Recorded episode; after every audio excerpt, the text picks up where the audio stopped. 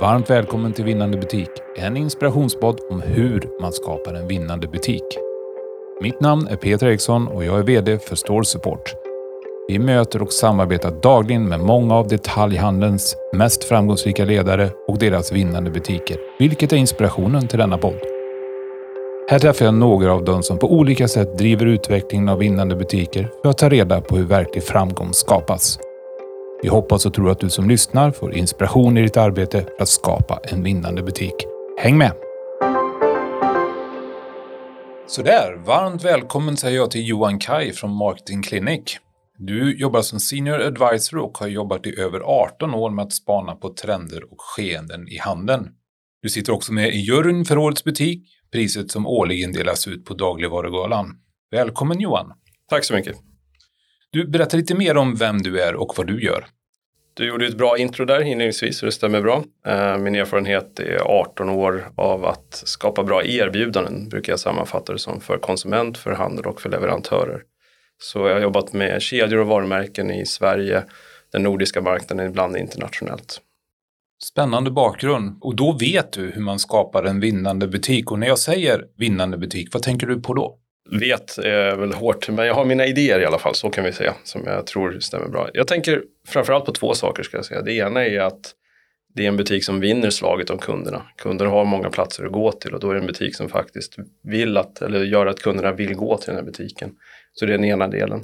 Sen finns det såklart en affärsmässig aspekt i det hela, att det är en butik som troligtvis gör en bra affär, visar vinst och kan fortsätta att göra så under ett antal år. Sen har jag några faktorer personligen som är lite mer värderingsmässiga som jag tänker på. Alltså att en butik som gör något gott för samhället omkring sig är någonting jag lägger en värdering i. Det går inte att säga att det är en vinnande butik, måste göra det, men det är någonting som jag, jag tycker är viktigt. Och även värderingar som hållbarhet, hälsa, skapa glädje för kunder och eh, samhället och medarbetarna runt omkring sig. Så där finns det en del goda liksom, värden som jag också tror genererar vinster över tid som är viktiga. Spännande, bra inledning. I arbetet med att skapa en vinnande butik, vilka delar tycker du är de allra viktigaste för att lyckas? Det är många delar, men jag skulle vilja lyfta fram fem stycken. Eh, och jag börjar med erbjudandet, eller sortimentet, eller tjänsterna eller produkterna. Alltså det jag ska köpa som kund, det är någonstans i mitten, det är därför jag kommer. Så att det är den första delen. Nästa är upplevelsen som jag har när jag köper dem. Att den är både rolig och enkel eller så effektiviteten i arbetssättet. Jag tror man underskattar ibland hur viktigt det är med drift. Det här är en bransch med låga marginaler så det gäller att kunna hantera det på ett bra sätt. Marknaden idag, anpassningsförmåga, förstå att kunder är inte likadana, mina förutsättningar är inte likadana, det händer nya saker, hur anpassar jag mig till det? Och en långsiktighet också, att inte tänka bara nästa dag, nästa vecka eller kvartal utan inse att det här är något som byggs över ett par år framåt. Mm, spännande, så fem saker som brinner och jag hör du säger upplevelsen och jag tolkar lite in i, i själva kundupplevelsen där. Kan du ge dig mer exempel på hur man kan jobba med den? Ja, det jag tycker man ska komma ihåg egentligen, jag söker ofta efter balansen mellan det enkla och det fantastiska. Ibland när man hör om kundupplevelser så beskrevs det nästan som ett nöjesfält eh, som ska vara i butik varje gång jag kommer dit. Och då tror jag man överskattar lite vad vi tycker om att handla egentligen. Vi vill att det ska gå ganska snabbt och enkelt och bra. Vi gillar positiva upplevelser men det, inte, det handlar inte om att det är en fantastisk liksom, livsomvälvande experience varje gång. Så att den här balansen mellan det enkla och det fantastiska och tar man enkelhet, ja, men tydliga hyllor, breda gångar, tydliga skyltar, korta köer, bra parkering. Alltså alla de här delarna som är så otroligt viktiga men lätt att glömma bort. För när det inte fungerar, då märks det. Då går kunderna iväg någonstans. Kan man kombinera det sen med eh, liksom det här häftiga då kanske, alltså unika sortiment, eh, ljus och ljud, känslor, demonstrationer, upplevelser på det sättet, då har man någonting starkt. Sen vill jag också lyfta fram det mänskliga i det hela, alltså den här direkta personliga kundrelationen mellan en butik, dess ägare, handlare, personal och med kunderna. Det är ju någonting som verkligen påverkar oss. Det betyder inte alltid att vi ska stå och prata med kunderna hela vägen direkt, men de ska känna att vi är där för dem när vi behöver det, eller när kunderna behöver det. Det är någonting positivt. Så vad jag hör är också att du säger att en del av så att säga, hygienfaktorerna, eh, exponeringarna, parkeringen och så vidare, att, att man har koll på helt enkelt, att de är riktigt bra. Det är så otroligt viktigt för att det är, jag menar, tänk dig själv in i en kundsituation, det tror jag nog de flesta som lyssnar på det här kan göra också, att allt är jättehäftigt men sen står jag 20 minuter i kö eller jag får vänta en halvtimme innan jag får hjälp. Då spelar det inte så stor roll vad jag gjort i övrigt. Alltså de här sakerna är fantastiskt viktiga. Jag, jag, vet, senast igår var jag parkerade på en parkering och då var det en av de här som har liksom fyra decimeter bredare. Och jag tycker varje gång jag parkerar tänker jag vad skönt med lite utrymme på parkeringen och liksom det, det sitter kvar. Eh, så att de, de här som du säger, det man upplever som hygien kan också vara starka mervärden och när de inte är på plats då är det ofta det som skrämmer iväg oss till en annan butik. Spännande. Du Johan, du eh, spanar ju på massa olika, men har du, kan du ge några goda exempel på butiker som du tycker sticker ut? Det, det kan jag göra och här ska man ju då säga att eh, även fast man är expert på området och är mycket runt i Sverige så har man inte koll på alla butiker. Och jag skulle säga att vi har extremt bra butiker i Sverige genom alla kedjor och format. Så det är det första. Så jag får nästan plocka ut några som jag personligen mer tänker på eller som jag faktiskt upplever själv när jag handlar. Så jag tar ett par olika med lite motivering på det. Så en jag vill nämna då först det är Stora Coop i Visby. Eh, som är en, en, ganska känd butik och som många uppskattar. Eh, och därför entreprenörskap, glädje, snabbhet, innovation och den här lokala prägen. Eh, någonting som, är, som skapar en, en, en ganska unik upplevelse, en, en drivkraft. Å andra sidan tar man helt i andra skalan, Lidl tycker jag är inne på en intressant väg där man har den här lågprisupplevelsen i grunden men bygger på delar som bröd som faktiskt förändrar imagen för butiken och gör det till något annat.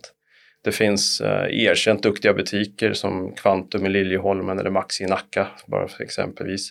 Det jag tycker på det är att man har en väldigt hög nivå, det är butiker som andra inspireras av, men man stannar aldrig utan man tittar hela tiden på nästa steg.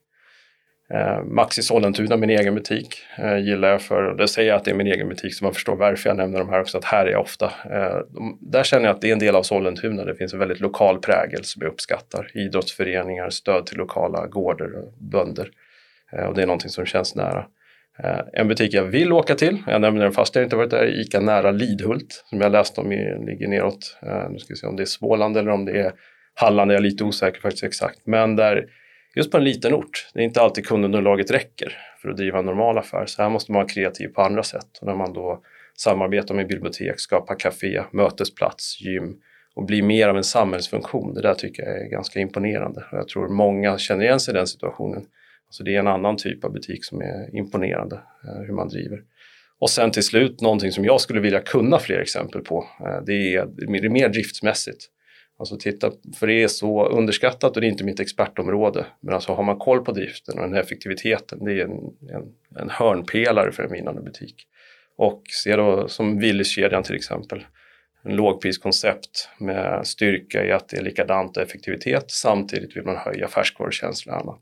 Citygross butiker som är enormt stora med jättesortiment ska försöka då hantera att produkterna ska upplevas bra hela tiden och bygga allt från pris till färskhet.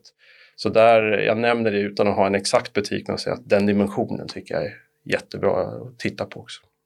Bra, det var lite från ditt eget perspektiv ska vi påpeka också och jag bad dig verkligen att fundera på din egen upplevelse och den blir ju naturligtvis där man själv eh, är mest. Ja, det är ju så. Det är, jag kan ju dra det hela vägen till en liten shout-out till ICA Lunden i Helenelund som är min närmsta butik där eh, man gör förbättringar och det är ju det jag ser varje dag. Så jag tycker att verkligen påpeka och säga att det finns otroligt många bra butiker i hela landet. Så att det är nog bara att gå ut i sin närhet och se så kan man inspireras av dem. Johan, nu har vi vänt runt lite kring din egen närområde där du handlar och, det, och kanske också någon, någonting du önskar att besöka. Eh, men du har tittat mycket och tittar hela tiden mycket på trender och koncept, både lokalt eh, och nationellt, men även internationellt. Eh, har du sett någonting som du tror kommer påverka den svenska marknaden framöver? Jag tror det finns ett antal saker vi ser har börjat påverka och som fortsätter att påverka. Eh, jag kan väl börja med eh, ett liksom, någonting som har legat mig ganska varmt om hjärtat länge och det är glidningen mellan restaurangbransch eller foodservice och butik. Som tidigare verkligen såg som två kanaler men jag tror alla nu kan se där ute att det är inte så enkelt utan en, en butik har en ganska betydande del av foodserviceerbjudanden, kaféer, måltidslösningar, till och med restauranger eller vinbarer på en del ställen. Och den där trenden har börjat, den har kommit ganska långt men den är här för att stanna kan man säga. Vi kommer att se vidareutvecklingar där och finslipningar. De blir ganska lokalt anpassade för att alla butiker ska inte ha en restaurang. Men på de ställen där det verkligen passar kan det vara en stor del av verksamheten. Och det blir ganska intressant nu efter corona att se hur det kommer att utvecklas vidare. Så det är väl ett område man kan börja med. Jag tror, tittar man på den digitala sidan så är det helt säkert så att vi kommer att se många innovativa grepp som kommer antingen från Sverige eller internationellt. Vi ser eh, exempel nu som Coops eh, Scan and Pay, alltså att man betalar via mobilen i butik, är en typisk sådan. Ehm, och vi kommer att nog se två delar kan man säga. En del kommer konsumenterna att se. Vi kommer att se det som konsumenter att det finns digitala verktyg för oss. Det vi inte märker men som kommer att vara lika viktigt är digitala verktyg i butik som stöttar arbetet och håller koll på orderläggning eller hjälper till med varuplacering eller vad det kan vara. Eh, så att den digitala utvecklingen kommer också nog vara väldigt stark. Eh, ett konkret exempel som ligger lite i gränslandet är click and collect lösningar eller hämta upp i butik. Där har vi börjat se en del liksom, mer utvecklade lösningar på stormarknader men tittar man internationellt på en spelare som Walmart så är det här ett jättefokus. Och jag tror att eh, fler kommer att anpassa och göra bättre sådana miljöer för kunderna där jag hämtar produkter helt enkelt. Och det kan nog gå ganska snabbt för att nu när ändå vi det är lite bättre lönsamhet i den delen än hemleverans. Så att den, det området kommer att vara, tror jag vi kommer att se steg på ganska fort. Sen ska jag säga generellt när man tittar på internationella trender, en viktig fråga är att se den här trenden. Det är ju väldigt roligt att titta på vad som händer i Los Angeles eller i New York eller London eller Shanghai då, som vi ofta tittar på. Men sen att förstå vad som är relevant för Sverige, det är ju en annan fråga. Så att jag kan ta ett konkret exempel i betalningar i Shanghai eller i Kina sköts ofta via chattprogram, alltså appar egentligen. Det är de som har gått in och du betalar via apparna då, på mobilen. Och då tänker man, kommer det där nu att komma till Sverige och ta över? Och det kanske kommer in, vi ser ju de lösningarna, men anledningen varför det blev så stort i Kina är att man aldrig riktigt etablerade kreditkort på, eller bankkort på samma sätt som vi har haft här. Så det var liksom ett steg från kontanter direkt till nästa. Och just det här att förstå varför en trend eller ett fenomen utomlands blir stort och sen se hur det appliceras i Sverige eller vår marknad. Det tror jag är en viktig tanke. Det är lite som att vi här i Norden och på den svenska marknaden har varit i stort sett världsledande på självskanning. Så när det dyker upp som en nyhet i Shanghai å andra sidan, då kan jag tänka vad, konstigt, det har jag haft i tio år. Ja, spännande. Vi pratar om det här med trenden och så vidare. Vi lever ju i en tid där förändringstakten är väldigt hög. Vad tänker du om det framåt? Jag tror att det, man får nog leva med att den kommer att vara det. Det finns några saker i grunden som inte ändrar sig. Till exempel att oavsett hur hög förändringstakten blir och hur mycket som händer så har jag en kund där på andra sidan. Och när allting blixtrar omkring då jag funderar på saker så gäller det att hålla fokus på den här kunden och fortfarande förstå vad är det de behöver av mig och vilket möte söker de. För då kommer man märka att en del saker påverkar verkligen det vi gör. En del saker kommer att fortsätta vara lite likadana. Så att där tror jag är en sån viktig att tänka på det, att kunden är i fokus hela tiden. Ehm, och vissa grejer men driftsmässigt också, det finns sådana här grunder som finns kvar. Men utifrån det så skulle jag säga att fundera på just vilka av de här sakerna som sker som är relevanta eller påverkar mig positivt eller negativt. Och sen vara flexibel och öppen för att prova saker på ett sätt som kanske, alltså prova i liten skala, försök att göra det snabbt. Alltså jobba med piloter, det är väldigt populärt att uttrycka det så. Och när ni gör det, följ upp sen om effekten blir bra eller dåligt. Jag tror att eh, för rätt vänt kan just det här sättet att vara flexibel och tänka till och anpassa sig till det. Kunderna behöver inte alltid uppleva det som kaotiskt, att det händer saker, utan snarare som att nu händer det någonting nytt. Och så länge man förklarar vad det är man gör och gör det på ett bra sätt, så även om det är något som inte blir kvar för all framtid så kan det vara någonting som uppskattas ändå. Så att, att våga prova och följa upp det, det tror jag är viktigt. Och det knyter an lite till det du pratade om i början, att, att skapa en vinnande var ju mycket av upplevelsen och då kan förändringsbeteendet bli en del av upplevelsen, ja, tänker jag. Precis så. Jag, ibland är man rädd för det här att kunderna inte ska förstå vad vi gör eller nu blev det inte likadant som det brukar vara eller sådana saker. Det finns en del i det för att jag hittar ju lätt i min nuvarande butik och blir något helt annat då tycker jag det här blev lite konstigt, det känner alla igen. Samtidigt vet du också att ändrar vi aldrig saker då blir jag ju trött på butiken och tappar liksom intresse. Och eh, att ha ett visst mått av förnyelse eller att det händer saker, det är nog generellt ganska positivt skulle jag säga.